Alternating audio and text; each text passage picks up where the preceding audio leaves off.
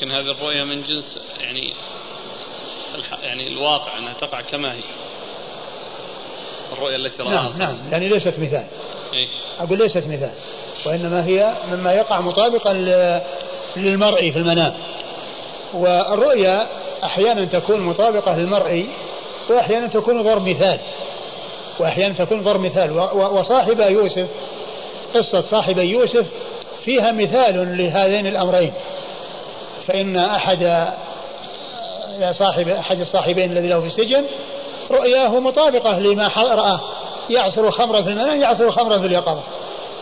وأما الآخر فإنه ضرب مثال الذي يحمل فوق رأسه خبزا تأكل الطير منه.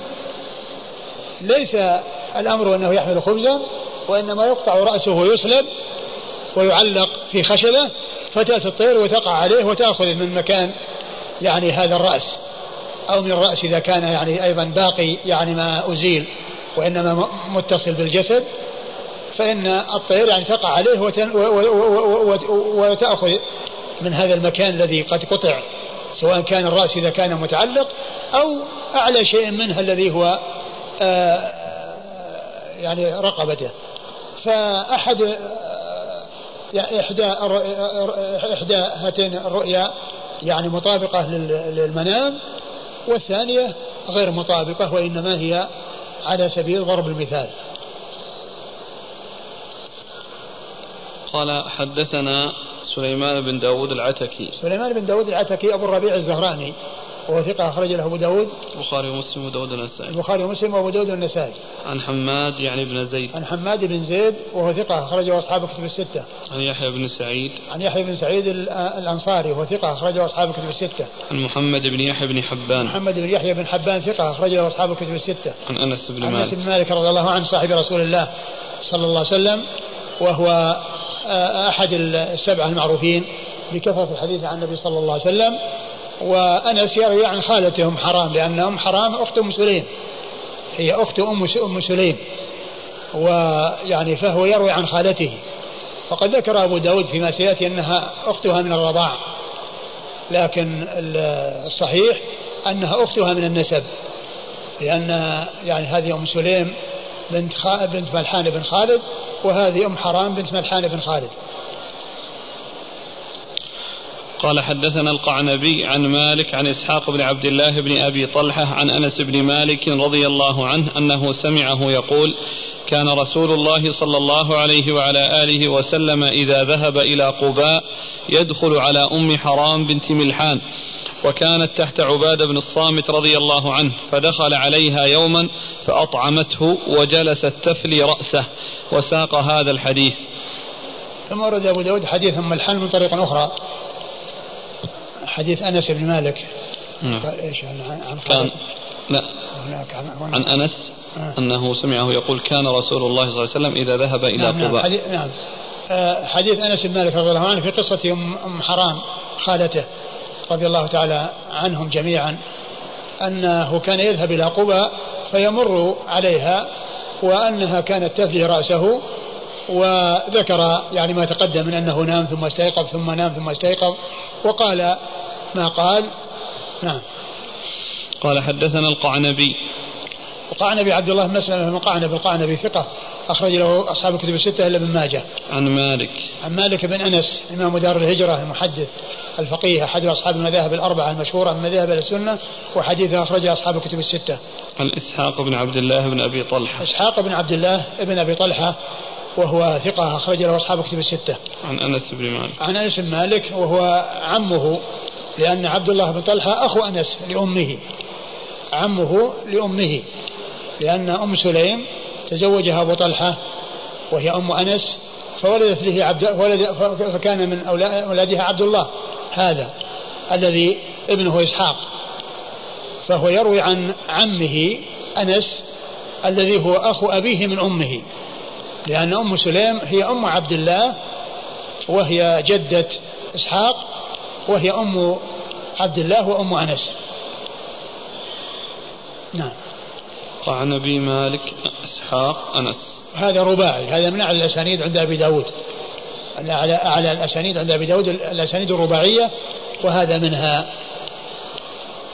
قال أبو داود وماتت بنت ملحان بقبرص. قال أبو داود وماتت بنت ملحان في قبرص. نعم وهي بلاد الروم جزيرة في البحر.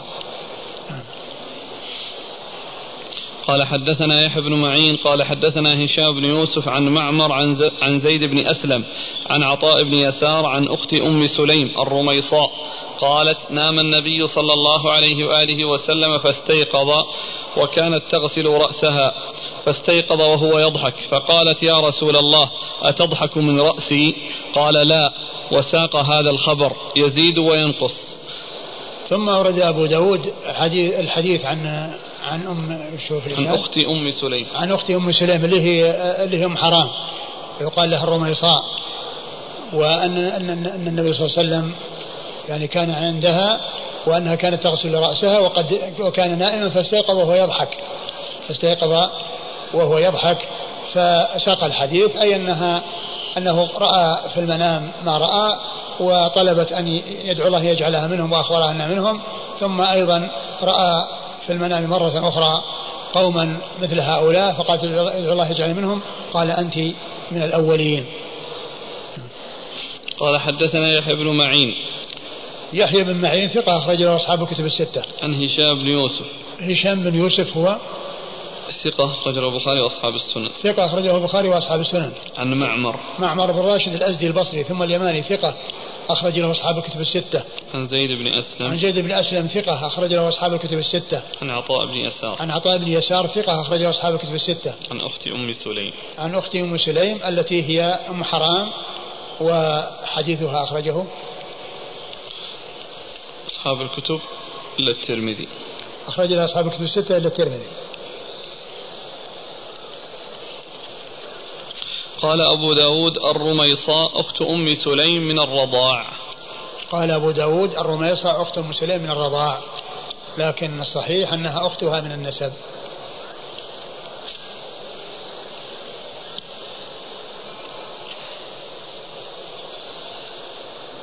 كل واحدة لها لقب.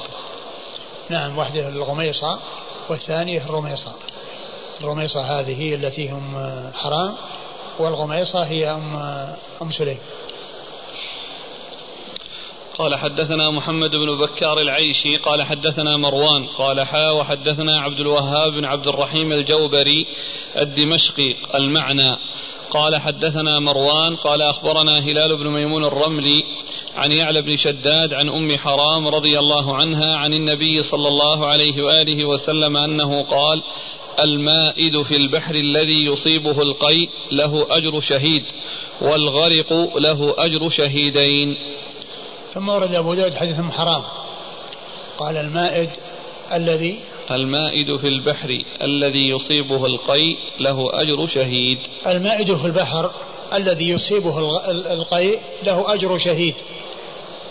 والغريق والغرق والغرق له أجر شهيدين. والغرق له أجر شهيدين. المائد هو الذي يعني يصيبه يعني آه، دوار أو يصيبه يعني شيء من يعني بسبب اضطراب الأمواج وحركة السفينة بحيث أنه يعني يصيبه شيء من آه، آه، التأثر بحيث أنه يستفرق ويقيء ويخرج ما ما في جوفه من شدة يعني ما يحصل له. يعني ومع ذلك إنه شدة ومصيبة وأمر كبير يعني يحصل في البحر وأمر عظيم يحصل في البحر. قال له أجر شهيد. يعني وهذا يعني كما هو معلوم الجهاد في سبيل الله. يعني هذا يعني الجهاد في سبيل الله لأن هذا أورده أبو داود في الجهاد. أورده أبو داود يعني في الجهاد وفي فضل الغزو في البحر. وفي غزو فضل الغزو في البحر. والغريق له أجر شهيدين. يعني إذا كان غزا وغرق فيكون له أجر شهيدين. نعم. قال حدثنا محمد بن بكار العيشي. محمد بن بكار العيشي هو؟ ثقة أخرج له مسلم وأبو داود. ثقة أخرج له مسلم وأبو داود. عن مروان. عن مروان بن معاوية الفزاري وهو ثق وهو ثقة آه، يدلس أسماء الشيوخ. أسماء الشيوخ يعني معناها أنه يذكر أن آه، تدليس التدليس هو يعني آه، تدليس إسناد وتدليس متن وتدليس وتدليس شيخ. فتدريس الشيخ أو الشيوخ هو أن يذكر شيخه بغير ما اشتهر به. يذكر شيخه بغير ما اشتهر به. شيخ يكون مشهور بشيء فيذكره بغير ما اشتهر ما يذكره بكنية ونسبته إلى جد من أجداده لا يعرف به. أو كان معروفا بلقب فلا يذكر اللقب. أو يذكره باسمه وكنية أبيه. أو باسمه ونسبته إلى جده. ويحذف اسم أبيه الذي اشتهر به. وفيه توعير للطريق أمام الباحث عن الرجل ولهذا قد يعني يظن أنه مجهول. يبحث عن ترجمته بهذا الاسم الغريب والاسم اللي هو غير واضح فلا يوجد له ترجمة وقال ليس له ترجمة أو لم أجد له ترجمة. مع أنه لو ذكر بما هو مشتهر به صار معروفا ومشهورا. هذا يسمى تدليس الشيوخ. مروان بن معاوية هذا كان يدلس تدليس الشيوخ أسماء الشيوخ يدلس أسماء الشيوخ وهو ثقة أخرجه أصحاب الكتب الستة. قال حا وحدثنا عبد الوهاب بن عبد الرحيم الجوبري. ثم قال حا وحدثنا عبد الوهاب بن عبد الرحيم الجوبري وهو صدوق أخرجه أبو داود. صدوق أخرجه أبو داود. عن مروان عن هلال بن ميمون الرملي. هلال بن ميمون الرملي هو صدوق أخرجه أبو داود بن ماجه. صدوق أخرجه أبو داود بن ماجه. عن يعلى بن شداد. عن يعلى بن شداد وهو ثقة أخرج له. صدوق وهو صدوق أخرج له. أبو داود بن ماجه. أبو داود بن ماجه. عن أم حرام. عن أم حرام رضي الله عنها وقد مر ذكرها. قال حدثنا عبد السلام بن عتيق قال حدثنا أبو مسهر قال حدثنا إسماعيل بن عبد الله يعني بن سماعة. قال حدثنا الأوزاعي قال حدثني سليمان بن حبيب عن أبي أمام الباهلي رضي الله عنه عن رسول الله صلى الله عليه وآله وسلم أنه قال ثلاثة كلهم ضامن على الله عز وجل. رجل خرج غازيا في سبيل الله فهو ضامن على الله حتى يتوفاه فيدخله الجنة أو يرده بما نال من أجر وغنيمة.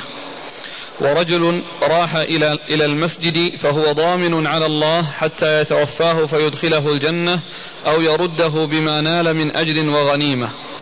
ورجل دخل بيته بسلام فهو ضامن على الله عز وجل. ثم ورد أبو داود حديث أبي أمامة سدي بن عجلان الباهلي رضي الله عنه أن النبي صلى الله عليه وسلم قال ثلاثة قال ثلاثة كلهم كلهم ضامن على الله. كلهم ضامن على الله؟ نعم. ثلاثة كلهم ضامن يعني كل واحد منهم. كل واحد منهم ضامن يعني مضمون له الأجر والثواب. وأن أجره وثوابه حاصل من الله.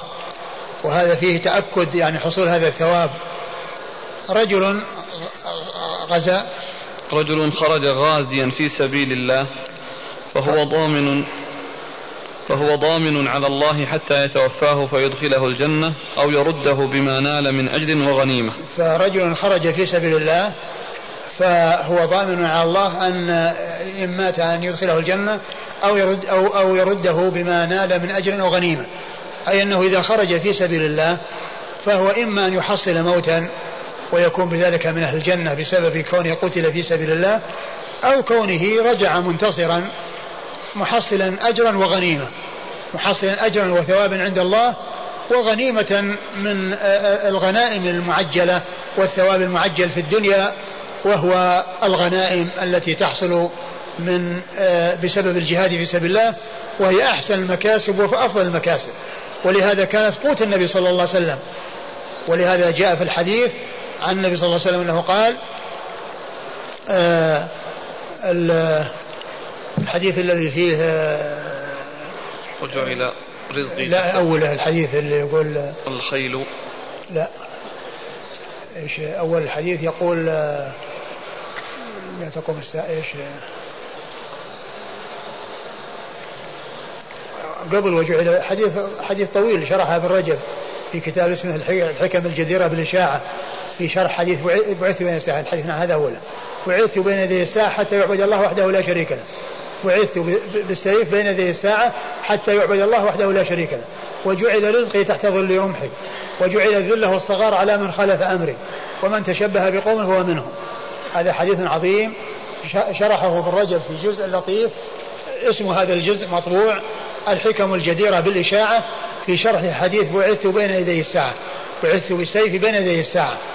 ومنه قوله وجعل رزقي تحت ظل رمحي وجعل رزقي تحت ظل يعني من الغنائم في سبيل الله.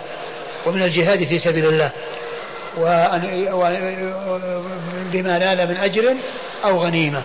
ورجل خرج إلى المسجد وهو ضامن على الله إن مات أن يدخله الجنة أو أو يرجع بما نال من أجر أو غنيمة. يعني إن مات فهو مات في سبيل الله لأنه خرج لعبادة الله ولطاعة الله وإن رجع فهو محصل أجر وغنيمة. يعني أجر وغنيمة في الآخرة. يعني في, في الآخرة. وإن حصل له رزق بسبب هذا العمل الصالح فهو من الثواب المعجل الذي يحصله في الدنيا قبل الآخرة. ورجل دخل بيته بسلام. ورجل دخل بيته بسلام. هذا يحتمل أن يكون دخل بيته بسلام أنه إذا دخل بيته يسلم أو أنه دخل بيته وكفى الناس شره وأنه سلم من الناس وسلموا منه. وذلك في عدم آه، اختلاطه بالناس الاختلاط الذي يؤدي إلى حصول ضرر منه أو عليه.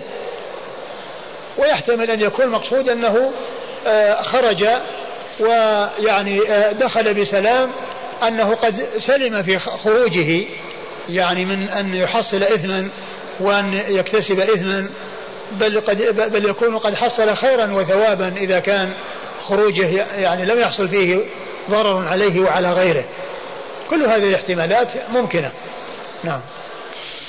قال حدثنا عبد السلام بن عتيق. عبد السلام بن عتيق هو صدوق خرج أبو داود والنسائي. صدوق خرج أبو داود والنسائي. عن أبي مسهر عن مسهر عبد الله على ابي مسهر وهو ثقة أخرج له. أصحاب الكتب. أصحاب الكتب الستة. عن إسماعيل بن عبد الله يعني بن سماعة. إسماعيل بن عبد الله يعني من السماعة وهو ثقة أخرج أبو داود والترمذي والنسائي. ثقة أخرج أبو داود والترمذي والنسائي. عن الأوزاعي. عن الأوزاعي أبي عمرو عبد الرحمن بن عمرو الأوزاعي ثقة أخرج له أصحاب الكتب الستة. عن سليمان بن حبيب. عن سليمان بن حبيب وهو ثقة أخرج البخاري وأبو داود وابن ماجه. ثقة أخرجه البخاري وأبو داود وابن ماجه. عن أبي أمامة الباهلي. عن أبي أمامة الباهلي وقد مر ذكره. مما اشتهر أن الإنسان إذا دخل بيته ولا يوجد فيه أحد يقول السلام علينا وعلى عباد الله الصالحين. فهل هناك تفرقة بين وجود أحد أو لا يوجد أحد؟ والله كلمة علينا وعلى عباد الله الصالحين ما أعرف يعني ما أعرف عن شيء في ثبوتها. ولكن السلام هو السلام عليكم. وإن لم يكن أحد وإن لم يكن أحد. قال حدث قال رحمه الله تعالى باب في فضل من قتل كافرا. قال حدثنا محمد بن الصباح البزاز قال حدثنا إسماعيل يعني ابن جعفر عن العلاء عن أبيه عن أبي هريرة رضي الله عنه أنه قال قال رسول الله صلى الله عليه وآله وسلم لا يجتمع في النار كافر ولا لا يجتمع في النار كافر وقاتله أبدا. ثم ورد أبو داود رحمه الله فضل من قتل كافرا. نعم. فضل من قتل كافرا. يعني أنه على خير وأنه على ثواب لأنه قتل حصل منه القتل في سبيل الله والجهاد في سبيل الله. ثم ورد أبو داود حديث أبي هريرة. أبي هريرة رضي الله عنه قال لا يجتمع في النار كافر وقاتله أبدا. لا يجتمع في النار كافر وقاتله أبدا. يعني أن قاتل الكافر يكون في الجنة. يعني يكون من أهل الجنة. لكن إن كان يعني هذا الكافر الذي قتل الكافر يعني عليه ذنوب أو له ذنوب والله عز وجل يعني آآ آآ ما تجاوز عنها ولكنه عذبه فيها في النار فهو لا يجتمع يعني في الخلود والبقاء ولا يمنع ولا يمنع ذلك من كونه يعني يدخل النار ولكنه يخرج. فالاجتماع يمكن أن يكون أنه لا يكون اجتماع أصلا بحيث لا يدخل النار أصلا فلا يجتمع مع الكفار مع الكفار فيها ابدا. ويحتمل أن يكون أنه لا يجتمع اجتماعا مخلدا. وإن دخلها فإنه يخرج منها ويذهب إلى الجنة. هذا إذا كان عليه ذنوب والله عز وجل لم يتجاوز عن ذنوبه. إذا كان عليه ذنوب لم يتم منها ولم يحصل التجاوز عن هذه الذنوب وعذبه الله على ما عنده من الذنوب فإنه يخرج من النار ولا يجتمع الكافر فيها أبدا. وعلى هذا فالبقاء مع عدم الاجتماع مع الكافر إما يكون اجتماع منعا كليا بمعنى أنه لا يدخل النار أصلا ولا يجتمع معه فيها ابدا أو أنه يعني لا يجتمع فيها اجتماعا مؤبدا. فلا ينفي أن يدخلها ويخرج منها. إذا كان ممن عليه ذنوب لم يحصل التجاوز عنها من الله سبحانه وتعالى. نعم. هنا الكافر مقيد. باب فضل من قتل كافرا. أي وش يعني ما هو مطلق. الكافر الحربي. طبعا هو الكافر الحربي الجهاد في سبيل الله. ما هو يقتل كافر يعني آه، مستأمن أو آه، أو ذمي أو ما إلى ذلك لا يجوز قتله. إنما هو في الجهاد في سبيل الله. قتله وهو يجاهد في سبيل الله. ما هو معنى يشوف الكافر يغتاله ولا يعني يروح يعني يعمل وهو معاهد أو ذمي؟ فإن هذا لا يجوز. وإنما المقصود في الجهاد معناه انه غزا في سبيل الله وقتل كافرا وهو يجاهد الكفار في سبيل الله. هذا هو المقصود قال حدثنا محمد بن الصباح البزاز. محمد بن الصباح البزاز ثقة أخرج له. أصحاب الكتب. أصحاب الكتب الستة. عن إسماعيل يعني بن جعفر. إسماعيل بن جعفر ثقة أخرج له أصحاب الكتب الستة. عن العلاء. عن العلاء بن عبد الرحمن آه، ابن يعقوب الحرقي وهو صدوق أخرج له البخاري في جزء القراءة. ومسلم وأصحاب ومسلم وأصحاب السنن عن أبيه وهو نعم. ثقة. اخرجه البخاري في جزء القراءة ومسلم وأصحاب السنن عن أبي هريره عن أبي هريرة. عبد الرحمن بن صخر الدوسي صاحب رسول الله صلى الله عليه وسلم وأكثر أصحابه حديثا عن الإطلاق رضي الله عنه وأرضاه. قال رحمه الله تعالى باب في حرمة نساء المجاهدين على القاعدين.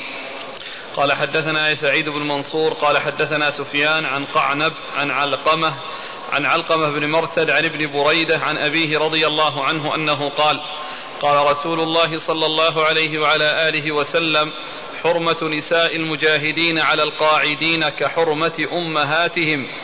وما من رجل من القاعدين يخلف رجلا من المجاهدين في أهله إلا نصب له يوم القيامة. فقيل له هذا قد خلفك في أهلك. فخذ من حسناته ما شئت. فالتفت إلينا رسول الله صلى الله عليه وآله وسلم فقال ما ظنكم? ثم أورد أبو داود رحمه الله باب باب في حرمة نساء المجاهدين على القاعدين. باب في حرمة نساء المجاهدين على القاعدين. المجاهدون الذين يخرجون في سبيل الله ويخلفهم في أهليهم أناس يعني يوصونهم بأن يقوموا في ما يحتاجون إليه وفي المحافظة عليهم آه، حرمتهم آه، شأنها عظيم شأن, حرمتهم عظيم. وذلك أن النبي صلى الله عليه وسلم قال إنها كحرمة أمهاتهم يعني حرمة نساء المجاهدين على القاعدين الذين يخلفونهم في أهليهم كحرمة أمهاتهم. يعني معنى هذا أنهم يعني آه، آه، يحذرون يعني آه، يحذرون أن يقعوا في أمور لا تنبغي كما أن الإنسان يعني يرى ذلك في حق أمه فكذلك عليه أن يرى ذلك في حق من أهله أهل الغازي الذين خلفه فيهم. وهذا فيه بيان يعني تعظيم شأن المحافظة على من استوصي استوصوا عليهم ومن وصوا بهم ممن يعني بقوا يعني أو المجاهدين أوصوا الباقين على أن يقوموا بما يلزم لأهليهم. بين النبي صلى الله عليه وسلم أن الإنسان يعني يقوم بما يجب لهم وأنه لا يخونه فيهم لا في يعني أن يعمل معهم أمرا محرم بأن ينظر أو يعني يحاول أن يقع في أمر محرم ولا في أن يقصر. فيما هو مطلوب منه من الرعاية والعناية وإيصال الخير إليهم ودفع الأذى عنهم. فأورد أبو داود حديث بريدة. بريدة بن الحصيب رضي الله تعالى عنه قال النبي صلى الله عليه وسلم حرمة نساء المجاهدين على القاعدين كحرمة نسائهم عليهم. كحرمة أمهاتهم. كحرمة أمهاتهم عليهم. كحرمة أمهاتهم عليهم. ثم قال وما من رجل من القاعدين يخلف رجلا من المجاهدين في أهله إلا نصب له يوم القيامة. فقيل له هذا قد خلفك في أهلك فخذ من حسناته ما شئت. وما من رجل من القاعدين يخلف رجل من المجاهدين في أهله إلا نصب له. نعم. إلا نصب له. وهذا فيما إذا خانه لأنه جاء في صحيح مسلم فيخونه أو يعني وما فيخونه إلا قيل له هذا خلفك في أهلك فخذ من حسناته. رواية مسلم رحمه الله تبين المقصود يعني من هذا الاقتصاص والأخذ من آه، وأخذ المجاهد من حسنات القاعد الذي خانه في أهله لأنه يعني ما قام بالشيء الذي هو واجب عليه. فإلا نصب له يوم القيامة فقل خذ من حسناته ما شئت. قال النبي صلى الله عليه وسلم ما ظنكم؟ أي يعني كون إنسان يوم القيامة يوم يفر المرء من من أخيه وأمه وأبيه وصاحبته وبنيه لكل امرئ منهم يوم شأن يغنيه وكل يتمنى أن يكون له حق على الآخر حتى يحصل ذلك الحق. يعني كما جاء عن النبي صلى الله عليه وسلم أتدرون من المفلس؟ قالوا يا رسول الله المفلس من لا درهم عنده ولا متاع؟ قال صلى الله عليه وسلم المفلس يعني حقا من يأتي يوم القيامة بصلاة وزكاة وصيام وحج ويأتي وقد شتم هذا وضرب هذا وسفك دم هذا فيعطى هذا من حسناته وهذا من حسناته وهذا من حسناته. فإن فنيت حسناته قبل أن يقضى ما عليه أخذ من سيئات فطرح عليه ثم طرح في النار. يعني في وقت في يوم ما فيه إلا الحسنات والسيئات. ما فيه إلا الحسنات والسيئات. فال قال فما ظنكم يعني آه، آه، كونه يعني يقال له خذ ما شئت يعني ما ظنكم ماذا يفعل. وكان وذلك اليوم يوم كل يبحث عن حق يكون له على غيره حتى يأخذه ويستوفيه ولو كان من أقرب الأقرب إليه لأنه يفر المرء من أخيه وأمه وأبيه وصاحبته وبنيه. نعم. قال حدثنا سعيد بن منصور عن سفيان. سعيد بن منصور مر ذكره سفيان هو بن عيينة ثقة أخرج له أصحاب الكتب الستة. عن قعنب. عن قعنب ابن قعنب التميمي. قعنب التميمي وهو صدوق خرجه مسلم وأبو داود والنسائي. صدوق خرجه مسلم وأبو داود والنسائي. عن علقمة بن مرثد. عن علقمة بن مرثد وهو ثقة أخرجه أصحاب الكتب الستة. عن ابن بريدة. عن ابن بريدة هو سليمان بن بريدة. وابن بريدة يعني اثنان أخوان عبد الله وسليمان. إلا أن عبد الله خرج له أصحاب الكتب الستة وأما سليمان لم يروي له البخاري وإنما روى له مسلم وأصحاب السنن.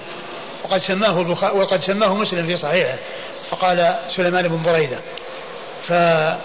فسليمان ما خرج له البخاري وخرج له الباقون وأما عبد الله فقد خرج له أصحاب الكتب الستة. عن أبيه عن أبيه بريدة بن الحصيب رضي الله عنه صاحب رسول الله عليه الصلاة والسلام وحديثه أخرجه أصحاب الكتب الستة. قال أبو داود كان قعنب رجلا صالحا وكان ابن أبي ليلى أراد قعنبا على القضاء فأبى عليه وقال أنا أريد الحاجة بدرهم فأستعين عليها برجل. قال وأينا لا يستعين في حاجته؟ قال أخرجوني حتى أنظر. فأخرج فتوارى.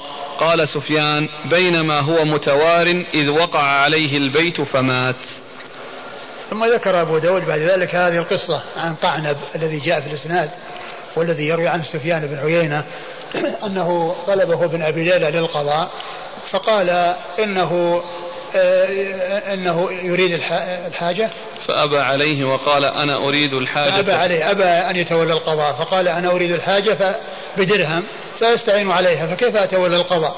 وأنا أحتاج إلى الناس يعني آه، فقال كلنا لا يستغني عن أحد بحاجته. كلنا إيش؟ قال وأينا لا يستعين في حاجته. وأينا لا يستعين في حاجته؟ يعني ما فيه عذر من القضاء. ما في مجال يعني للاعتذار. فقال امهلوني يعني اخرجوني خليني أنظر. فدخل وتوارى في بيته فسقط عليه بيته ومات رحمه الله. قال الإمام أبو داود السجستاني رحمه الله تعالى باب في السرية تخفق. قال حدثنا عبيد الله بن عمر بن ميسرة قال حدثنا عبد الله بن يزيد قال حدثنا حيوة وابن لهيعة. قال حدثنا أبو هانئ الخولاني أنه سمع أبا عبد الرحمن الحبلي يقول سمعت عبد الله بن عمرو رضي الله عنهما يقول قال رسول الله صلى الله عليه وآله وسلم ما من غازية تغزو في سبيل الله فيصيبون غنيمة إلا تعجلوا ثلثي أجرهم من الآخرة ويبقى لهم الثلث. فإن لم يصيبوا غنيمة تم لهم أجرهم. يقول الإمام أبو داود السجستاني رحمه الله باب في السرية تخفق السرية هي القطعة من الجيش التي آه، تقطع من الجيش ويسعد إليها مهمة فقد تغنم وقد لا تغنم. والمراد بالإخفاق هنا يعني عدم الحصول على الغنيمة. عدم تحصيل شيء من الغنيمة. هذا هو الإخفاق الذي عني وأريد بهذه الترجمة.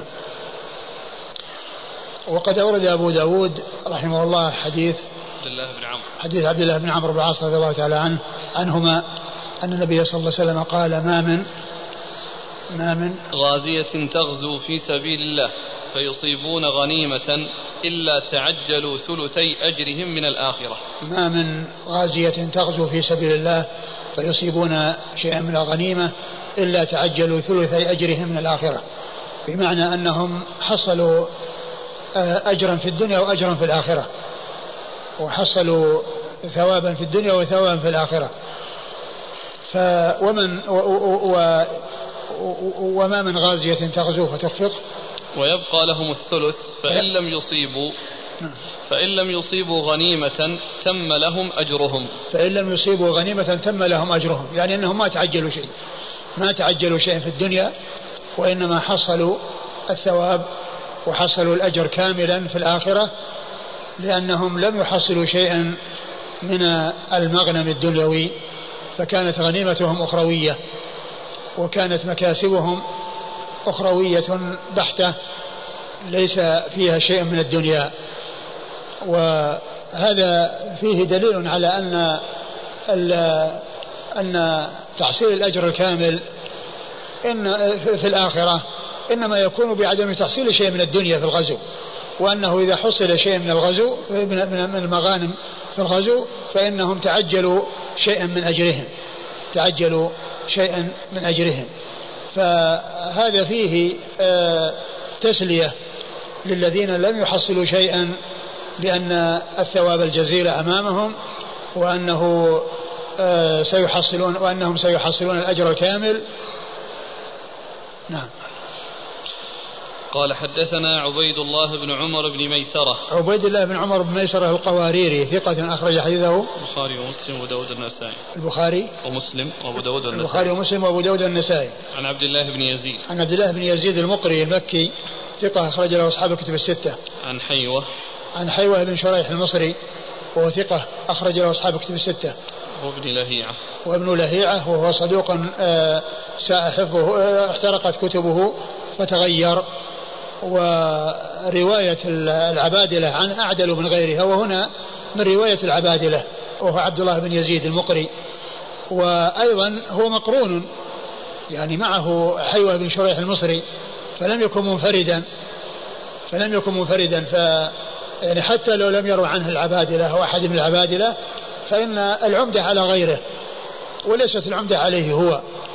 وأما هنا فالراوي عنه أحد العبادلة وأيضا آه، هو مقرون بمن هو ثقة أخرج له أصحاب كتب الستة وكل من حيوة بن شريح وعبد الله بن لهيعة مصري.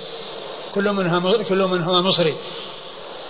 وهناك حيوة بن شريح هو حمصي ولكنه متأخر من طبقة شيوخ أبي داود. وأما هذا من طبقة متقدمة. هذا من طبقة متقدمة ابن أبو داود عنه بواسطتين. يعني كما هنا يعني يروي عنه بواسطة القواريري وبواسطة آه، عبد الله بن يزيد المقري. نعم. أخرج له أخرج له مسلم وأبو داود والترمذي وابن ماجه. مسلم وأبو داود والترمذي وابن ماجه. أما النسائي فإنه لم يخرج له شيئا. بل إنه إذا كان في مثل هذا الإسناد الذي هو مقرون مع حيوة بن شريح لا يصرح باسمه. ولا يسميه وإنما يقول حدثنا فلان ورجل آخر قال حدثنا فلان ورجل آخر يعني حتى لا يسميه ولا مجرد التسمية يعني في الإسناد بل يبهمه ويذكر القرين الذي يعول على عول على يعول على روايته وأما هو فيبهمه فيقول ورجل آخر. عن تذكرون في بعض المواطن أخرج له البخاري أو مسلم مقرونا فتأتي الأسئلة ما معنى مقرون؟ مقرون يعني معناه أنه لم يروي عنه حديثا استقلالا وإنما روى عنه ومعه غيره مثل هنا الآن هذا هو المقرون. يعني الآن حيوة بن شريح ومعه عبد الله بن لهيعة يعني روى عنه مقرون. أقول روى عنه مقرون. يعني هنا يعني في هذا الإسناد مقرون. لكن أبو داود يروي عنه استقلالا. أقول يروي عنه استقلالا وقد مر بنا أحاديث رواها عنه استقلالا. وقد عرفنا أنه إذا كان من رواية العبادلة الأربعة عنه وهم عبد الله بن مسلمة القعنبي وعبد الله بن يزيد المقري وعبد الله بن المبارك وعبد الله بن وهب. وكذلك قتيبة بن سعيد. هؤلاء سمعوا منه قبل احتراق كتبه. وقبل اختلاطه بسبب احتراق كتبه فروايتهم عنه معتبرة. نعم. عن أبي هانئ الخولاني. عن أبي هانئ الخولاني وهو حميد بن هانئ لا بأس به أخرجه البخاري في الأدب المفرد ومسلم وأصحاب السنن. حميد بن هانئ وكنيته توافق اسم أبيه. آه، أبو هانئ حميد بن هانئ وهو لا بأس به وهو بمعنى صدوق أخرج له البخاري في الأدب المفرد ومسلم وأصحاب السنن. عن أبي عبد الرحمن الحبلي. عن أبي عبد الرحمن الحبلي.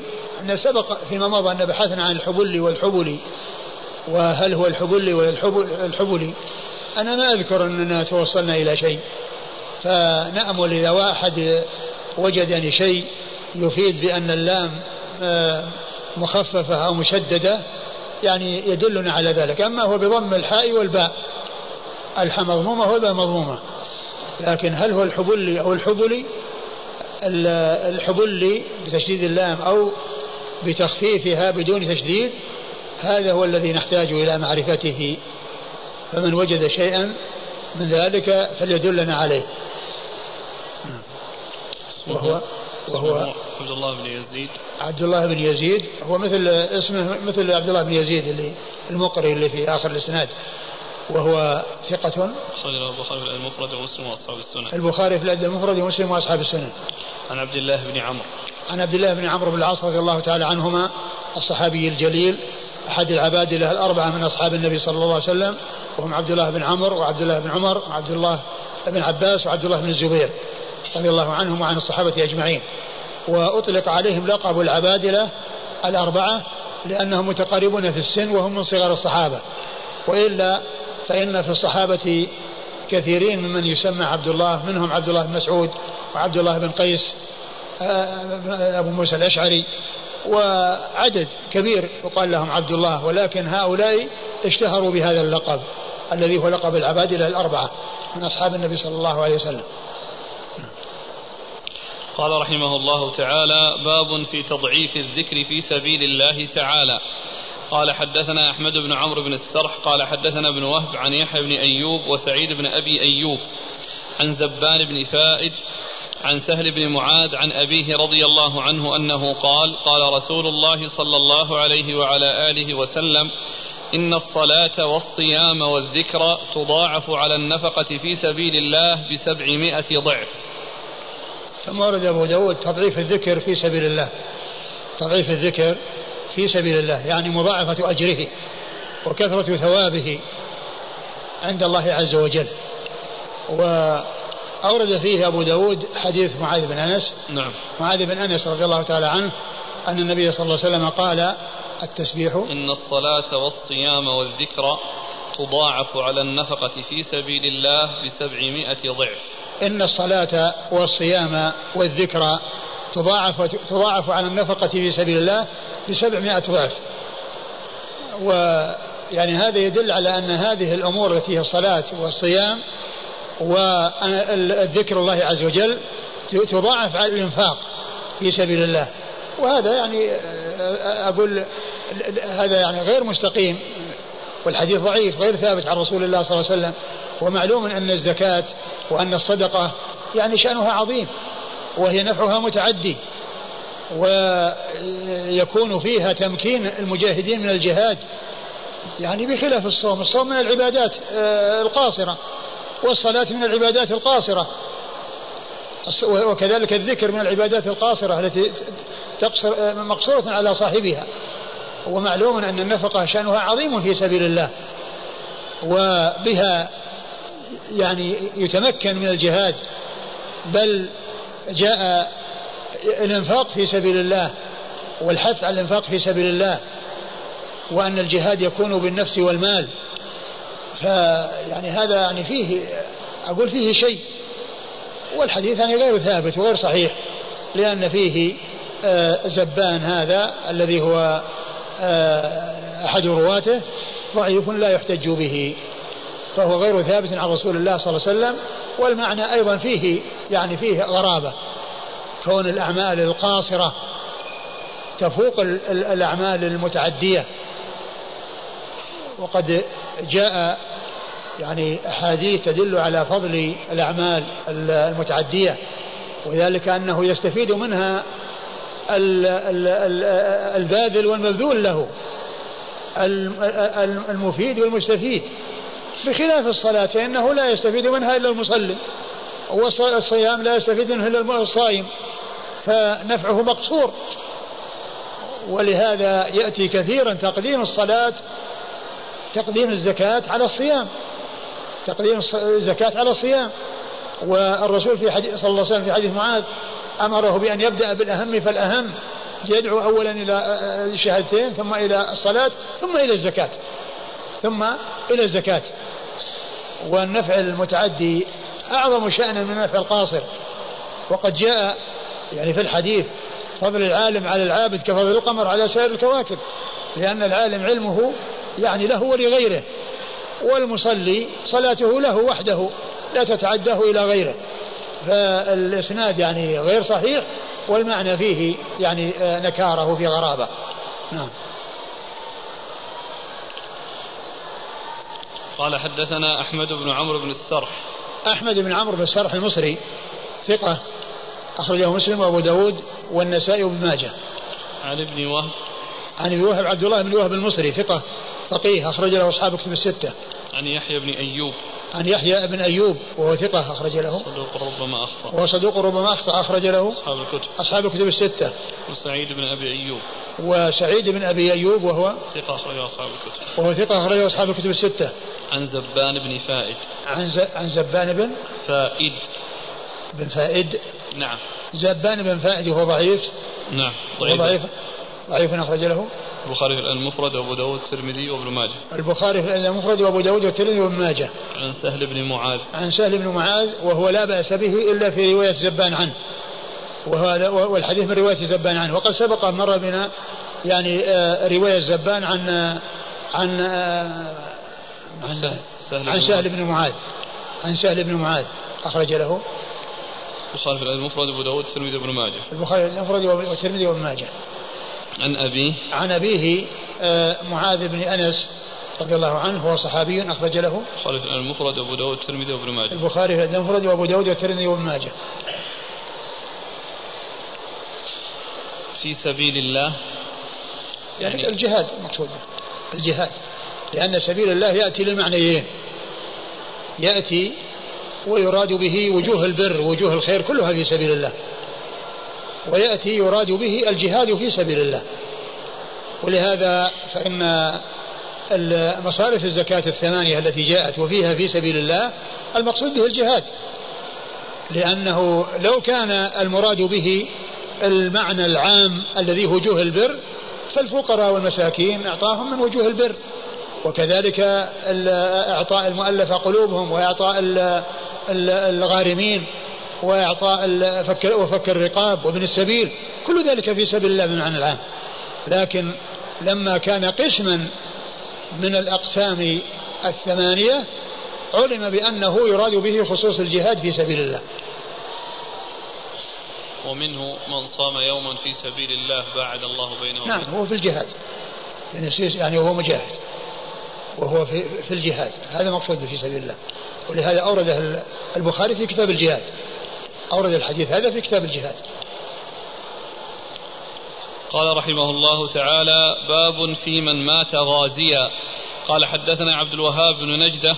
قال حدثنا بقية بن الوليد عن ابن ثوبان عن أبيه يرد إلى مكحول إلى يرد إلى مكحول إلى عبد الرحمن بن غنم الأشعري أن أبا مالك الأشعري رضي الله عنه قال سمعت رسول الله صلى الله عليه وعلى آله وسلم يقول من فصل في سبيل الله فمات أو قتل فهو شهيد أو وقصه فرسه أو بعيره أو لدغته هامة أو مات على فراشه أو بأي حتف شاء الله فإنه شهيد وأن له الجنة. ثم ورد أبو داود باب من مات غازيا. في من مات غازيا. باب في من مات غازيا يعني في الغزو.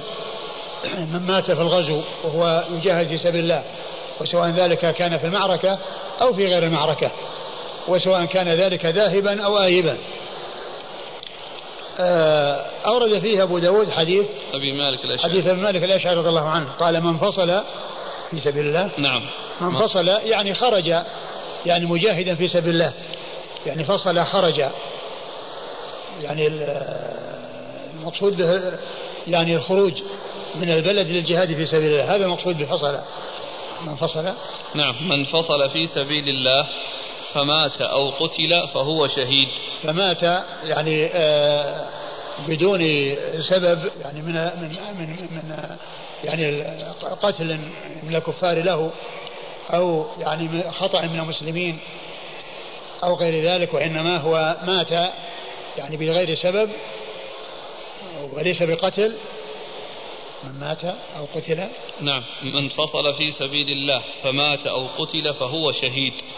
فمات أو قتل فهو شهيد.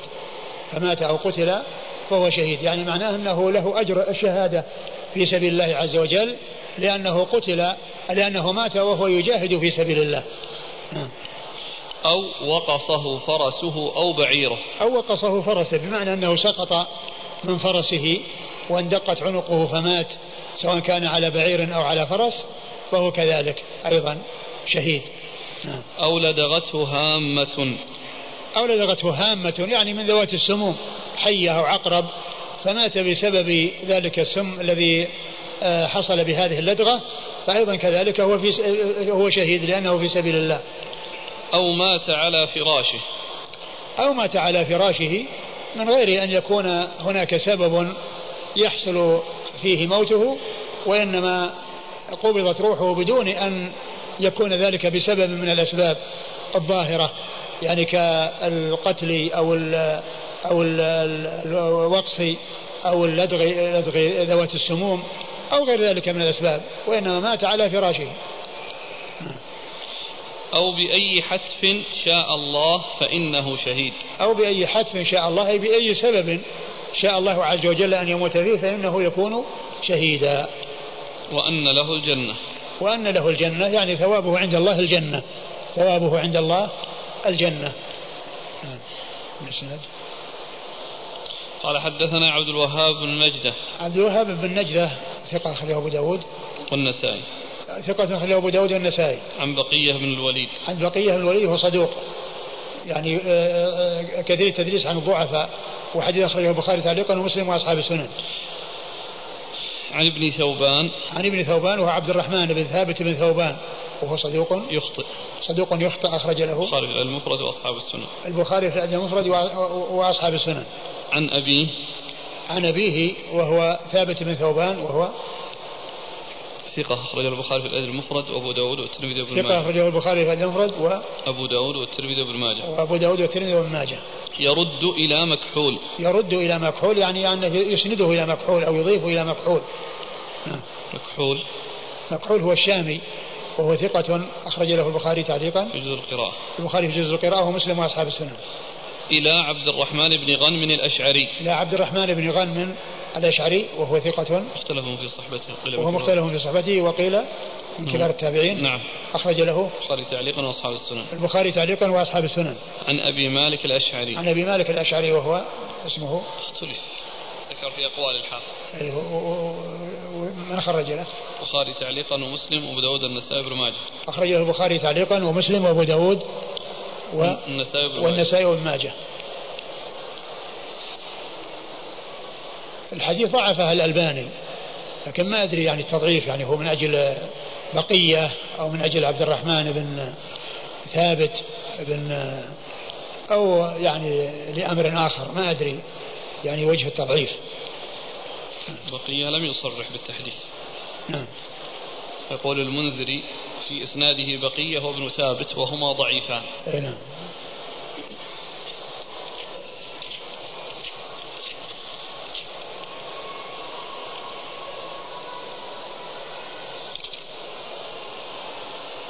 أبو مالك الأشعري قيل اسمه عبيد وقيل عبد الله وقيل عمرو وقيل كعب بن كعب وقيل عامر بن الحارث. يعني أسماء كثيرة يعني اختلاف كثير. مات في طاعون عمواس سنة ثمانية عشرة نعم. الذي الذي مات فيه معاذ بن جبل رضي الله عنه. يعني طاعون عمواس الذي حصل في الشام سنة ثمانية عشرة في خلافة عمر. مات فيه معاذ بن جبل ومات فيه أبو, ما أبو, أبو مالك هذا.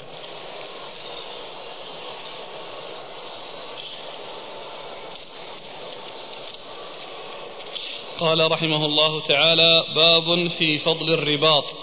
قال حدثنا سعيد بن منصور قال حدثنا عبد الله بن وهب قال حدثني أبو هانئ عن عمرو بن مالك عن فضالة بن عبيد أن رسول الله صلى الله عليه وآله وسلم قال كل الميت يختم على عمله إلا المرابط فإنه ينمو له عمله إلى يوم القيامة ويؤمن من فتان القبر. ثم ورد أبو داود رحمه الله باب فضل الرباط يعني في سبيل الله.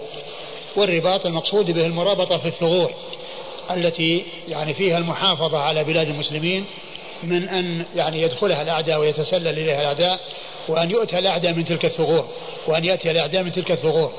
فهم يعني يرابطون يدافعون عن حوزة الإسلام ويعني آه، يقاتلون الكفار يعني عندما يأتون إلى بلاد المسلمين أو يريدون أن يغزوا بلاد المسلمين فإنهم آه، آه، مقيمون في تلك الثغور مرابطون فيها يدفعون الكفار عن المسلمين. وقيل في الرباط إن أصله إنه كان يعني يربط فرسه من ربط الفرس ومن أجل الاستعداد لصد الأعداء عن الدخول أو الهجوم على بلاد المسلمين. ففضل الرباط في سبيل الله ومسك الثغور التي آه، قد يأتي منها الأعداء ومنعهم وصدهم وردهم من الدخول إلى إلى بلاد المسلمين للنيل منهم وإلحاق الأذى بهم. آه هذا شأنه عظيم. وقد أورد أبو داود رحمه الله حديث فضالة بن عبيد. حديث فضالة بن عبيد رضي الله عنه. قال كل الميت يختم على عمله. كل الميت يختم على عمله. يعني ما عمله أنه آه آه محدد ويعني آه، ختم عليه لأنه عرف حده وبدايته ونهايته ومقداره إلا المرابط في المرابط في سبيل الله فإنه ينمى له فإنه ينمى له عمله يعني ويزداد وذلك لكثرة ثوابه وعظم أجره وكونه يعني في بقائه يعني في ذلك يعني كالمجاهد المستمر الذي هو في جهاد مستمر وفي جهاد دائم لأنه هو مجاهد ولكنه ما هو آه، يذهب ويرجع كالمجاهدين الذين يذهبون من بلادهم ثم يرجعون وإنما هذا مقيم يعني يصد الكفار عن المسلمين فعمله ينمى له. كل كل ميت يختم على عمله إلا المرابط. نعم. أيوه فإنه ينمو له عمله. إلى يوم القيامة. فإنه ينمو له عمله يعني معناه يتضاعف ويزداد وينمو إلى يوم القيامة ويأمن ويؤمن أو يؤمن من فتان القبر. ويؤمن من فتان القبر. ويؤمن من فتان القبر يعني ما يحصل من الفتنة في القبر. وقيل إن الفتنة في القبر هي السؤال سؤال منكر ونكير وأنه يحصل بذلك يعني خوف ويحصل فيه فتنة. فالمرابط في سبيل الله موعود بهذا الوعد بأنه يؤمن من الفتنة في القبر وكذلك أيضا يأمن من عذاب القبر. نعم. قال حدثنا سعيد بن منصور. سعيد بن منصور ثقة أخرجه أصحاب كتب الستة. عن عبد الله بن وهب عن أبي هانئ عن عمرو بن مالك. عبد الله بن وهب وأبو هانئ مر ذكرهما وعبد الله بن مالك عمرو عمرو بن مالك هو ثقة أخرجه البخاري في الأدب المفرد وأصحاب السنن. عمرو بن مالك ثقة أخرجه البخاري في الأدب المفرد ومسلم وأصحاب السنن. البخاري في الأدب المفرد وأصحاب السنن. البخاري في الأدب المفرد وأصحاب السنن. البخاري له مسلم. عن فضالة بن عبيد. عن فضالة بن عبيد رضي الله عنه صاحب رسول الله صلى الله عليه وسلم وحديثه أخرجه البخاري في الأدب المفرد ومسلم وأصحاب السنن. البخاري في الأدب المفرد ومسلم وأصحاب السنن. قال رحمه الله تعالى باب في فضل الحرس الحرس في سبيل الله تعالى. قال حدثنا أبو توبة قال حدثنا معاوية يعني بن سلام. عن زيد يعني بن سلام أنه سمع أبا سلام قال حدثني السلولي أبو كبشة أنه حدثه سهل بن الحنظلية رضي الله عنه أنهم ساروا مع رسول الله صلى الله عليه وآله وسلم يوم حنين فأطنبوا السير حتى كانت عشية فحضرت فحضرت الصلاة عند رسول الله صلى الله عليه وآله وسلم فجاء رجل فارس فقال يا رسول الله إني انطلقت بين أيديكم حتى طلعت جبل كذا وكذا فإذا أنا بهوازن على بكرة آبائهم بضعنهم ونعمهم وشائهم اجتمعوا إلى حنين فتبسم رسول الله صلى الله عليه وآله وسلم وقال تلك غنيمة المسلمين غدا إن شاء الله. ثم قال من يحرسنا الليلة؟ قال أنس بن أبي مرثد الغنوي رضي الله عنهما أنا يا رسول الله. قال فاركب. فركب فرسا له فجاء إلى رسول الله صلى الله عليه وآله وسلم فقال له فقال له رسول الله صلى الله عليه وآله وسلم استقبل هذا الشعب حتى تكون في أعلاه ولا نغرن من قبلك الليلة. فلما أصبحنا خرج رسول الله صلى الله عليه وآله وسلم إلى مصلاه فركع ركعتين ثم قال هل أحسستم فارسكم؟ قالوا يا رسول الله ما أحسسناه؟ فثوب بالصلاة. فجعل رسول الله صلى الله عليه وآله وسلم يصلي وهو يلتفت إلى الشعب حتى إذا قضى صلاته وسلم قال أبشروا فقد جاء فارسكم. فجعلنا ننظر إلى خلال الشجر في الشعب فإذا هو قد جاء حتى وقف على رسول الله صلى الله عليه وآله وسلم فسلم. فقال إني انطلقت حتى كنت في أعلى هذا الشعب حيث أمرني رسول الله صلى الله عليه وآله وسلم. فلما أصبحت اطلعت الشعبين كليهما فنظرت فلم أر أحدا. فقال له رسول الله صلى الله عليه وآله وسلم هل نزلت الليلة؟ قال لا إلا مصليا أو قاضيا حاجة.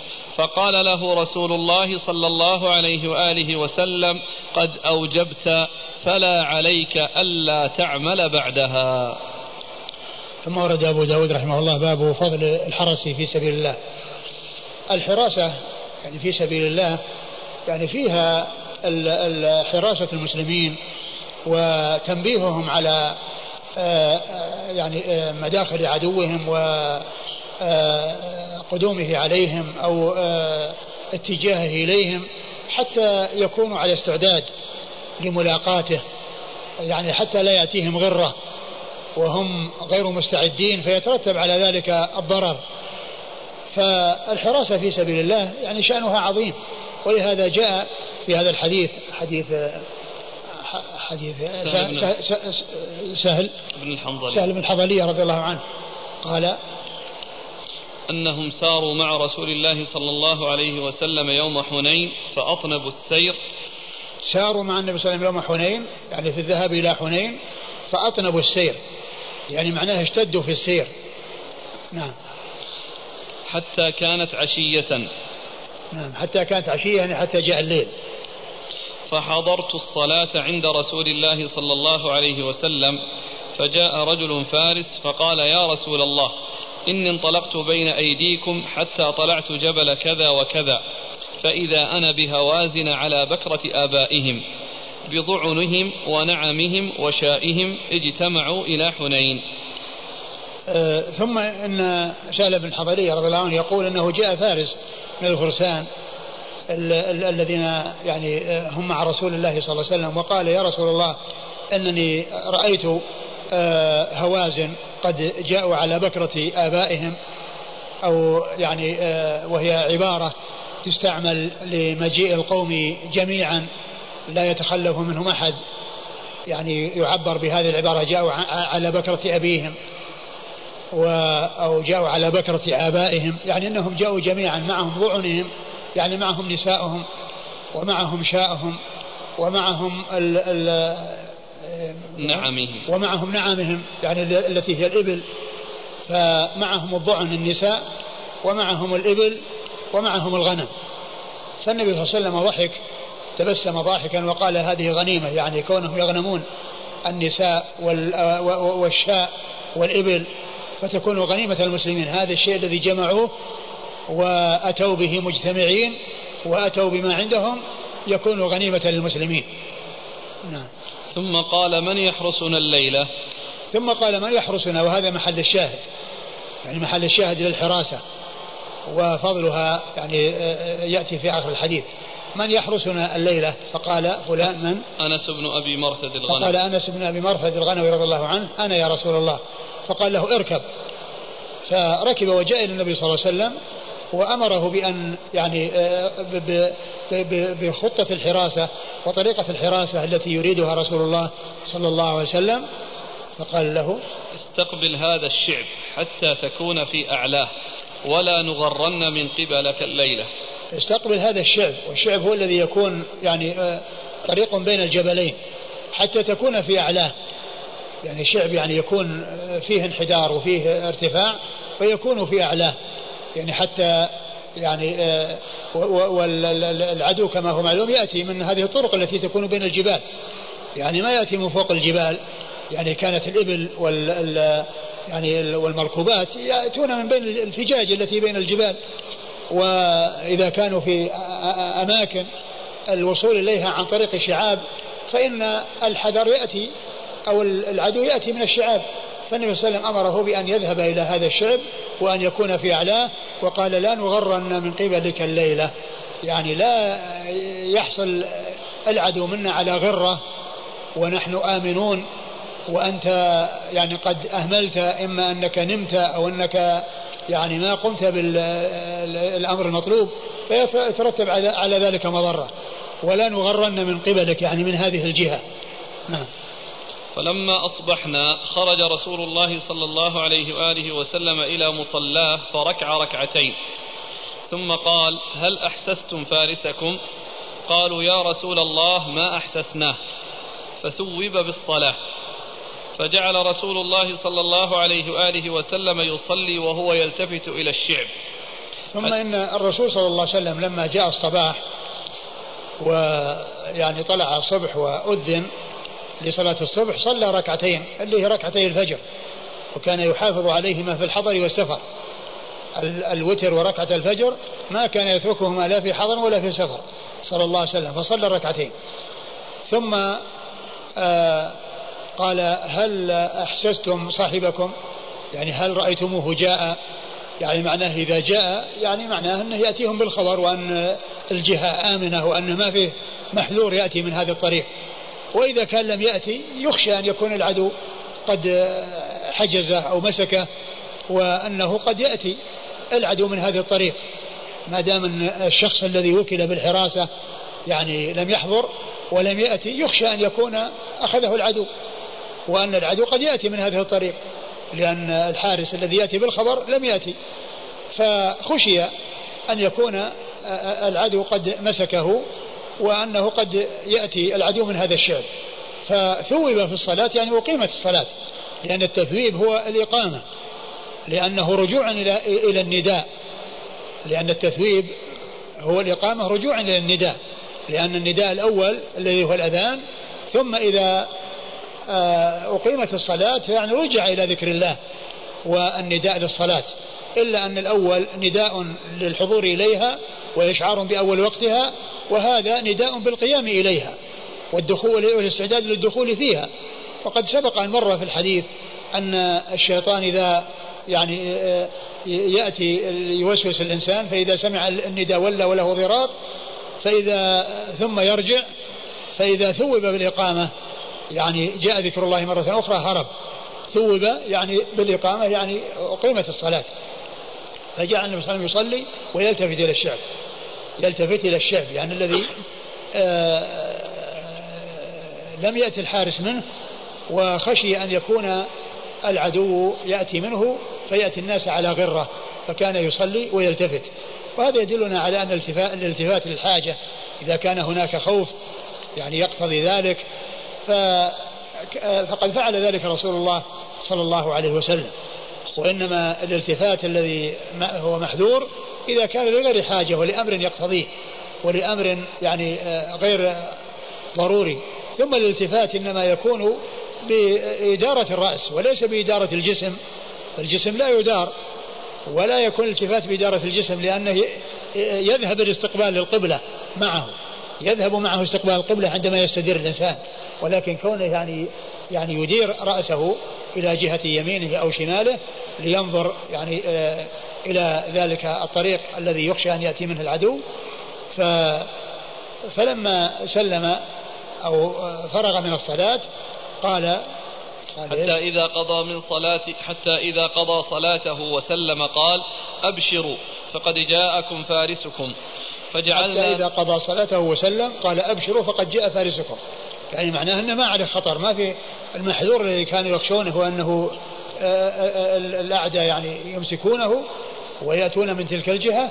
يعني قد جاء معناه أن الجهة آمنة وأن الناس على مأمن. نعم. فجعلنا ننظر إلى خلال الشجر في الشعب. فجعلوا ينظرون إلى خلال الشجر من خلال الشجر في الشعب. يعني الرسول أخبر بأنه جاء وبشرهم بأنه جاء.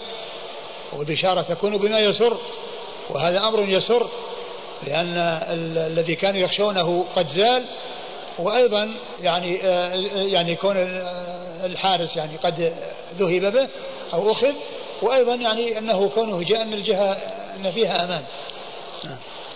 فإذا هو قد جاء حتى وقف على رسول الله صلى الله عليه وسلم فسلم فقال إني انطلقت حتى كنت في أعلى هذا الشعب حيث أمرني رسول الله صلى الله عليه وآله وسلم.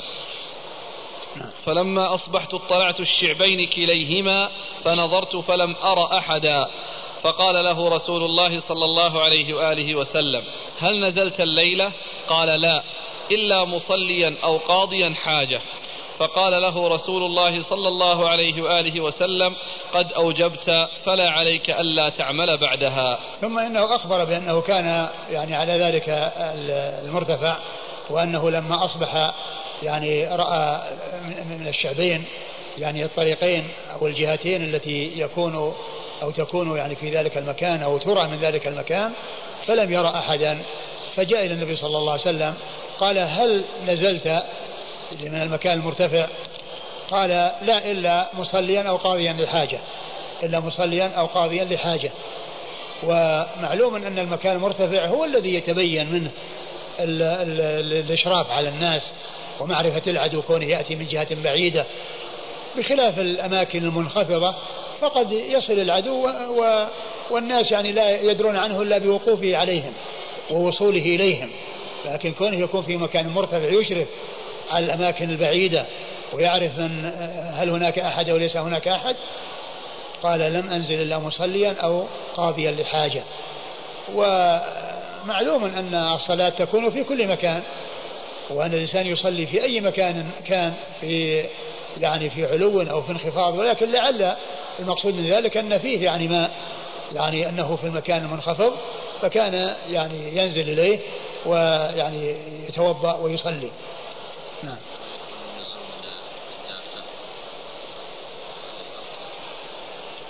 ويمكن ويمكن أن يكون ويمكن أن يكون لكن قال هل نزلت إيش؟ السؤال هل نزلت الليلة؟ أيوه. قال لا إلا مصليا أو قاضيا حاجة. هل نزل؟ يحتمل أن يكون أيضا من الدابة إنه الفرس الذي هو عليه.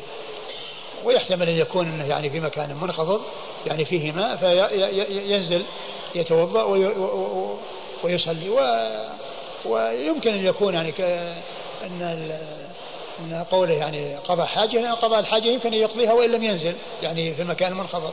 فيمكن أن يكون مقصوده الركوب على الفرس وأن يكون أوضح من كونه ينزل مكان مرتفع. لأن قضاء الحاجة يعني يمكن أن تحصل في أي مكان. وأما الماء يعني حيث يكون موجود في مكان منخفض يحتاج الإنسان إلى أن ينزل له. محتمل. وهذا أقوى احتمالا.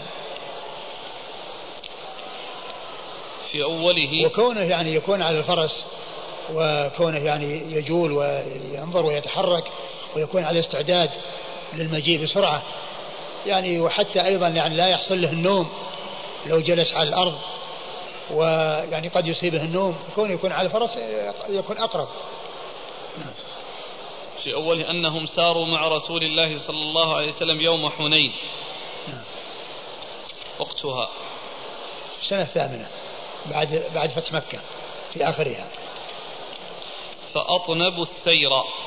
أطنبوا السير يعني اشتدوا في السير. قال حدثنا أبو توبة. أبو توبة الربيع بن نافع الحلبي وهو ثقة أخرجه البخاري وأصحاب السنن. أخرج أصحاب الكتب إلى الترمذي. أخرج أصحاب الكتب الستة إلى الترمذي. عن معاوية يعني ابن سلام. عن معاوية بن سلام وهو صدوق. ثقة أخرج أصحاب الكتب. ثقة أخرج أصحاب الكتب الستة. عن أخيه زيد بن سلام وهو ثقة أخرج البخاري في الأدب المفرد ومسلم وأصحاب السنن ثقة أخرجه البخاري في الأدب المفرد ومسلم وأصحاب السنن عن عن أبي سلام. عن أبي سلام وهو ممطور وهو يعني جد جد الاثنين اللي هو معاوية يعني جد معاوية وجد زيد لأن عبد الرحمن بن سلام ابن أبي سلام وزيد بن سلام ابن أبي سلام وجدهما أبو سلام ممطور وهو ثقة أخرجه البخاري في الأدب المفرد ومسلم وأصحاب السنن ثقة أخرجه البخاري في الأدب المفرد ومسلم وأصحاب السنن عن السلولي أبي كبشة. عن أبي كبشة السلولي وهو ثقة أخرج له. البخاري وأبو داود والترمذي والنسائي. البخاري وأبو داود والترمذي والنسائي. عن عن سهل بن الحنظلية عن سهل بن الحنظلية رضي الله عنه وحديثه أخرجه. البخاري في المفرد وأبو داود والنسائي. البخاري في الأدب المفرد وأبو داود والنسائي.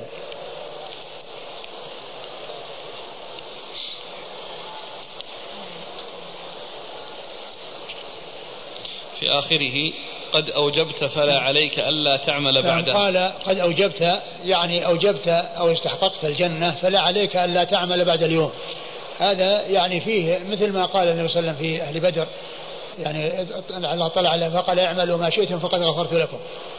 يعني معناه أن أن نهايته محققة ويعني أنه سينتهي إلى الجنة وتكون نهايته إلى الجنة. قال رحمه الله تعالى باب كراهية ترك الغزو. قال حدثنا عبدة بن سليمان المروزي. قال أخبرنا ابن المبارك. قال أخبرنا وهيب. قال عبده يعني ابن الورد. قال أخبرني عمر بن محمد بن المنكدر عن سمي عن أبي صالح عن أبي هريرة رضي الله عنه عن النبي صلى الله عليه وعلى آله وسلم أنه قال من مات ولم يغزو ولم يحدث نفسه بالغزو مات على شعبة من, من نفاق. ثم ورد أبو داود رحمه الله باب كراهية ترك الغزو. باب كراهية ترك الغزو. كل إنسان يعني لا يغزو ولا يفكر في الغزو ولا يعني ينوي الغزو ولا يكون عنده استعداد لذلك لا بفعله ولا بنيته فإنه يعني آه، على خطر. أورد أبو داود حديث أبي هريرة نعم. حديث أبو هريرة رضي الله عنه النبي صلى الله عليه وسلم قال من مات ولم يغزو ولم يحدث نفسه بالغزو. من مات ولم يغزو ولم يحدث نفسه بالغزو مات على شعبة من النفاق. من مات ولم يغزو ما حصل منه الغزو في سبيل الله والجهاد في سبيل الله. يعني حيث وجد ذلك وحيث أمكنه ذلك ولم يحدث نفسه بالغزو ما فكر. ولا فكر ولا في ذهنه أنه يغزو فهذا يموت على شعبة من النفاق لأن المنافقين هم الذين يعني آه، لا يريدون رفعة الإسلام ولا يريدون انتصار الإسلام وإنما يعني آه، يظهرون يظهرون ال ال الإيمان ويبطنون الكفر. يظهرون الإيمان ويبطنون الكفر. فهو يعني يخشى فهو أن يكون له صفة من صفاته. يعني الذميمة القبيحة وهي يعني عدم آه، التفكير بنصرة الإسلام. والجهاد في سبيل الله عز وجل. نعم. قال حدثنا عبدة بن سليمان المروزي. عبدة بن سليمان المروزي صدوق أخرجه أبو داود. نعم. صدوق أخرجه أبو داود. وهذا غير عبدة بن سليمان المشهور الذي هو أعلى طبقة من هذا. يعني عبد عبد بن سليمان الكلاعي هذا ثقة أخرجه أصحاب كتب الستة. وهو الذي يأتي ذكره كثيرا. ولكنه آه، يروي عنه أبو داود بواسطة. يعني لم يدركه أبو داود. ولكن هذا الذي هو عبد بن سليمان المروزي هذا صدوق أخرج له أبو داود وحده. وأما عبد بن سليمان الكلاعي فثقة أخرج له أصحاب كتب الستة. وهذا من طبقة شيوخ أبي داود الذي هو المروزي ولم يخرج له إلا أبو داود. وأما عبد بن سليمان الكلاعي فهو ثقة أخرج أصحاب الكتب الستة وهو من طبقة شيوخ شيوخ أبي داود. يعني أظنه الكلابي. الكلابي والكلاعي. شوف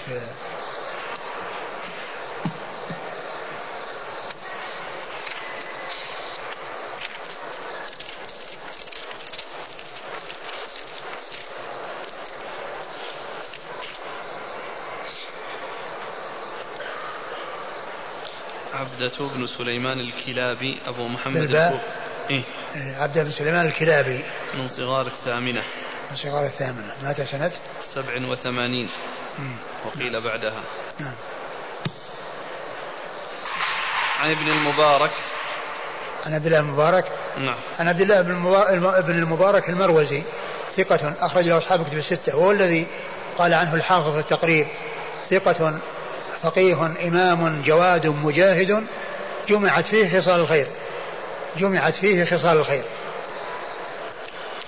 عن وهيب وهذا وهذا يعني هذه الأوصاف التي ذكرها الحافظ بن حجر عن شيخ عن, عن الإمام عبد الله المبارك رحمة الله عليه يعني آه، آه، يعني هذا آه، سماحة شيخنا الشيخ عبد الله بن باز رحمة الله عليه يعني شبيه به يعني في كثرة خصاله الحميدة وما جمع الله تعالى فيه من من من خصال الخير فعنده صفات كثيرة جمعت فيه رحمة الله عليه.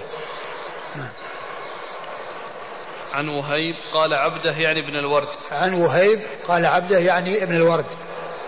وهو ثقة أخرج له مسلم وأبو داود والترمذي والنسائي. ثقة أخرج له مسلم وأبو داود والترمذي والنسائي. أخرج له مسلم وأبو داود والترمذي والنسائي. عن عمر بن محمد بن المنكدر. هو الآن ذكر في الإسناد ما في إسناد ثاني إسناد واحد. نعم. ما أدري يعني وش وجه قوله يعني قال آه، عبده يعني بالورد. لأن لو كان هناك إسناد ثاني يمكن أن يقال يعني آه، قال فلان لأنه أحد يعني صح أحد الطريقين أو في أحد الطريقين. فلا أدري وجه يعني ذكر يعني هنا كون عبده يقول يعني ابن الورد عبده.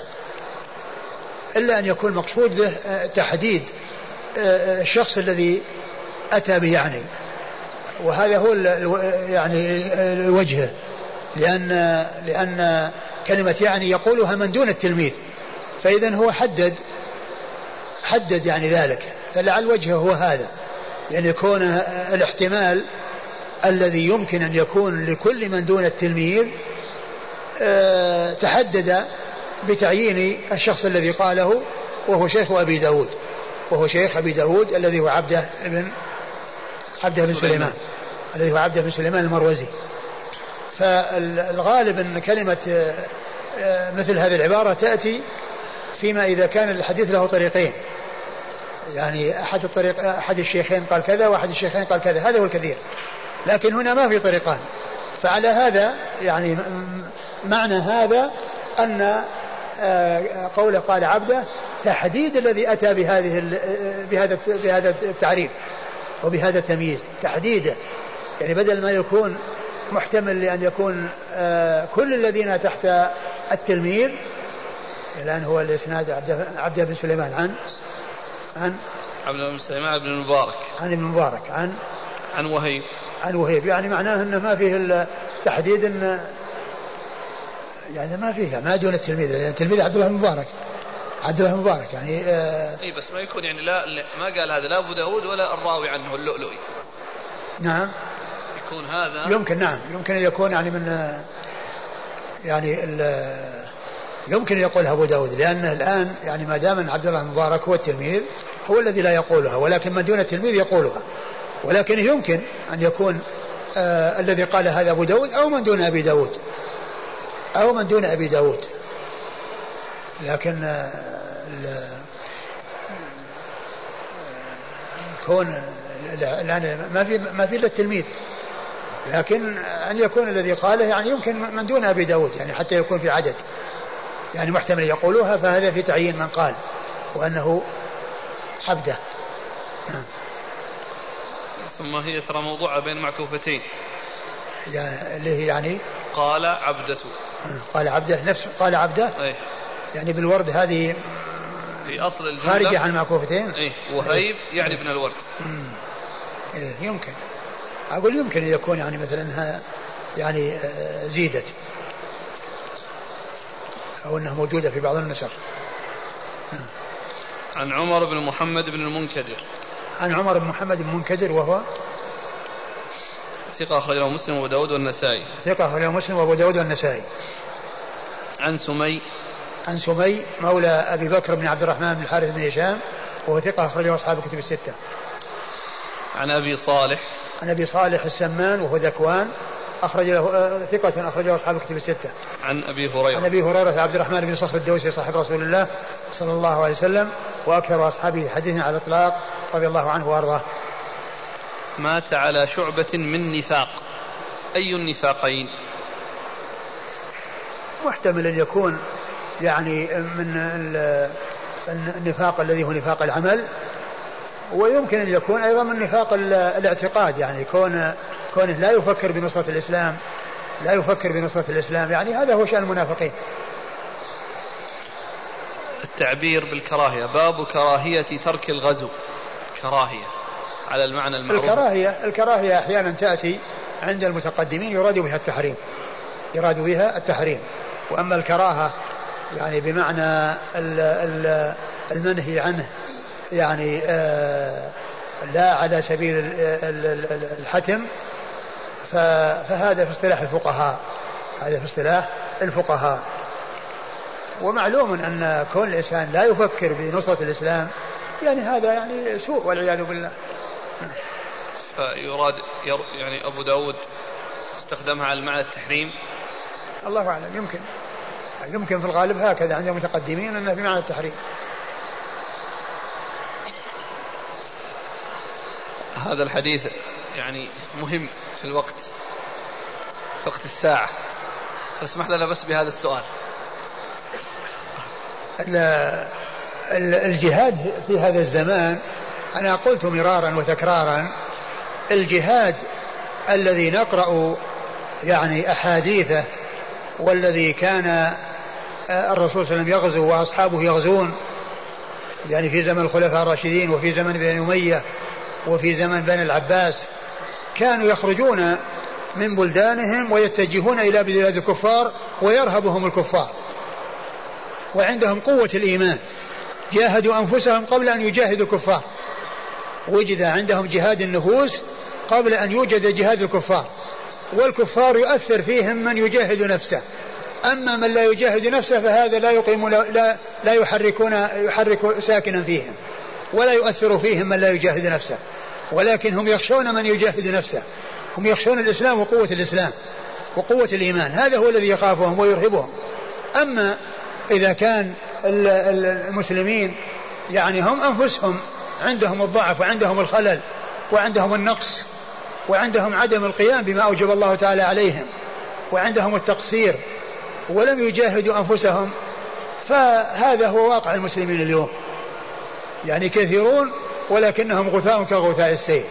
لا يرهبهم عدوهم بل, المسلم بل المسلمون هم الذين يخافون من الأعداء. هم الذين يخافون من الأعداء. والجهاد في هذا الزمان يعني ما يوجد إلا عن طريق الدفاع. الدفاع عن عن الأوطان وعن البلدان. هذا هو يمكن أن يكون بهذا المعنى. وإلا الجهاد الذي هو كون المسلمين يذهبون من بلادهم ويجهزون الجيوش ويذهبون إلى بلاد الأعداء ويدعونهم إلى الإسلام فإن دخلوا فيه فالحمد لله وإلا أعطوا الجزية عن يدهم صاغرون. ثم المسلمون حكموا بلادهم وصاروا داخلين تحت حكم الإسلام ويشاهدون أعمال الإسلام وأحكام الإسلام.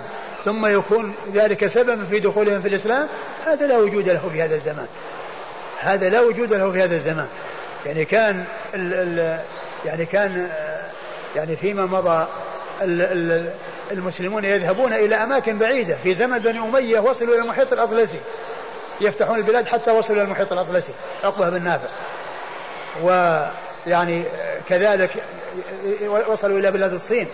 من جهة الشرق وإلى السند والهند. يذهبون من بلادهم مع قلة العدد وقلة العدد.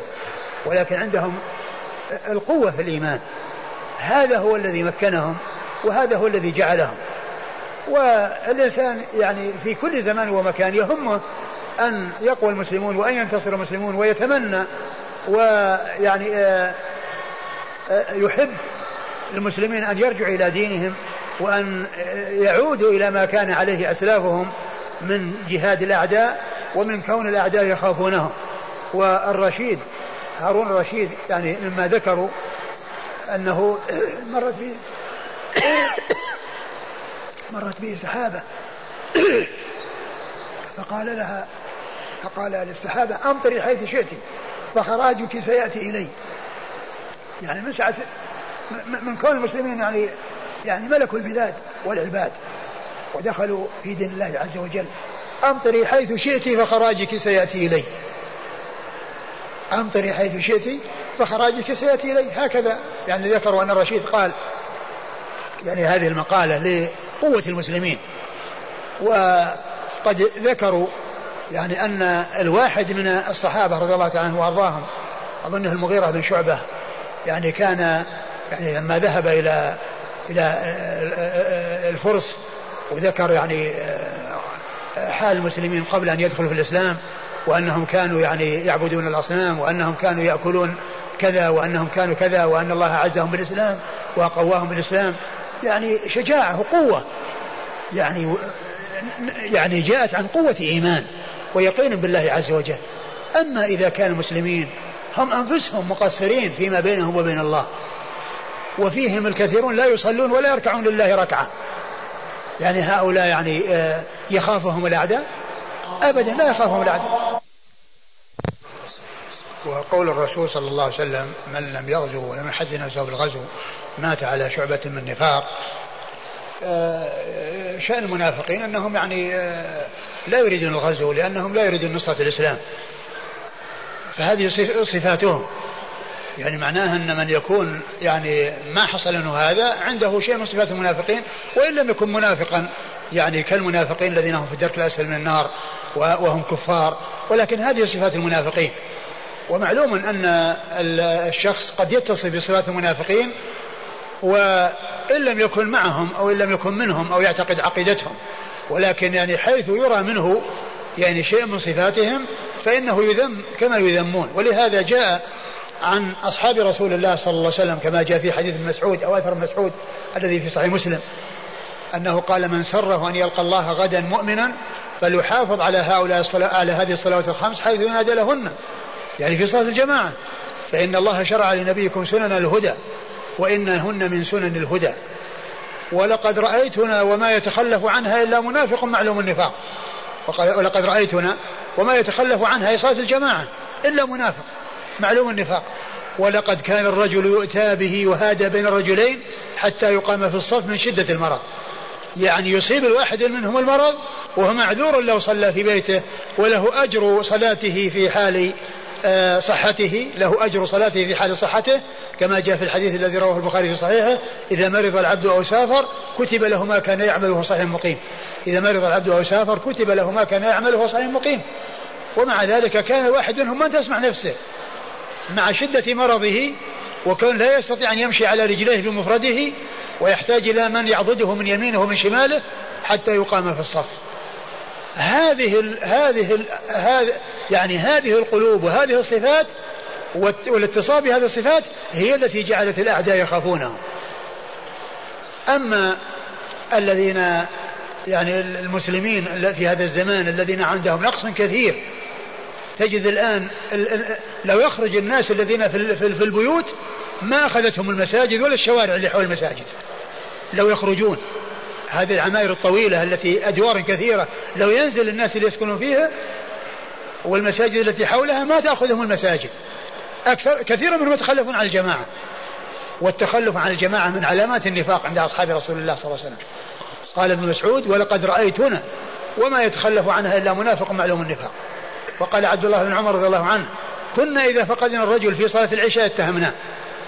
كنا إذا فقدنا الرجل في صلاة العشاء ما شفناه في المسجد نتهم بالنفاق.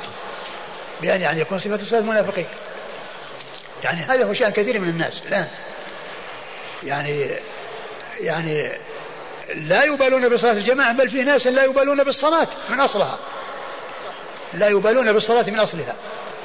فالحالة التي يكون عليها الناس في مثل هذه الحالة هؤلاء يؤثرون على الأعداء؟ يؤثرون على الأعداء؟ أبدا. أقول هذه الصفات ليست صفات الذي يؤثر على الأعداء وإنما الناس إذا قووا إيمانهم وتمسكوا بدينهم وكل قام بما يجب عليه خير قيام عند ذلك يكون الناس عندهم قوة يرهبهم الأعداء ويخافهم الأعداء.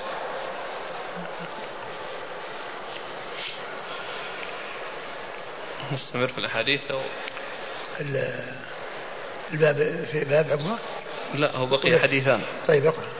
قال حدثنا عمرو بن عثمان وقرأته على يزيد بن عبد ربه الجرجسي قال حدثنا الوليد بن مسلم عن يحيى بن الحارث عن القاسم أبي عبد الرحمن عن أبي أمامة رضي الله عنه عن النبي صلى الله عليه وآله وسلم أنه قال من لم يغزو أو يجهز غازيا أو يخلف غازيا في أهله بخير أصابه الله بقارعة. قال يزيد بن عبد ربه في حديثه قبل يوم القيامة. ثم ورد أبو داود حديث أبي أمامة. حديث أبي أمامة رضي الله عنه. أن النبي صلى الله عليه وسلم قال من لم يغزو أو يجهز غازيا أو يخلف غازيا في أهله بخير بخير أصابه, أصابه الله بقارعة قبل يوم القيامة. يعني أصابه بعذاب أو بمصيبة يعني يحصلها في الدنيا قبل يوم القيامة عقوبة له على كونه يعني ما حصل منه هذه الأشياء. لا لا غزا ولا يعني ساعد في الغزو ولا ولا خلف غازيا في أهله. يعني معناه أنه آه، ما حصل منه آه، تأثر ولا ولا يحصل منه آه، جهاد لا بنفسه ولا بماله ولا بمساعدة من يتخلف. ولا بمساعدة من يتخلف. من يبقى يعني وراء المجاهدين الذين هم أهلوهم الذين وراءهم بحيث يخلفونهم بخير فإنه يصيبه قارعة قبل يوم القيامة يعني يصيبه مصيبة تحصل له في الدنيا قبل الآخرة.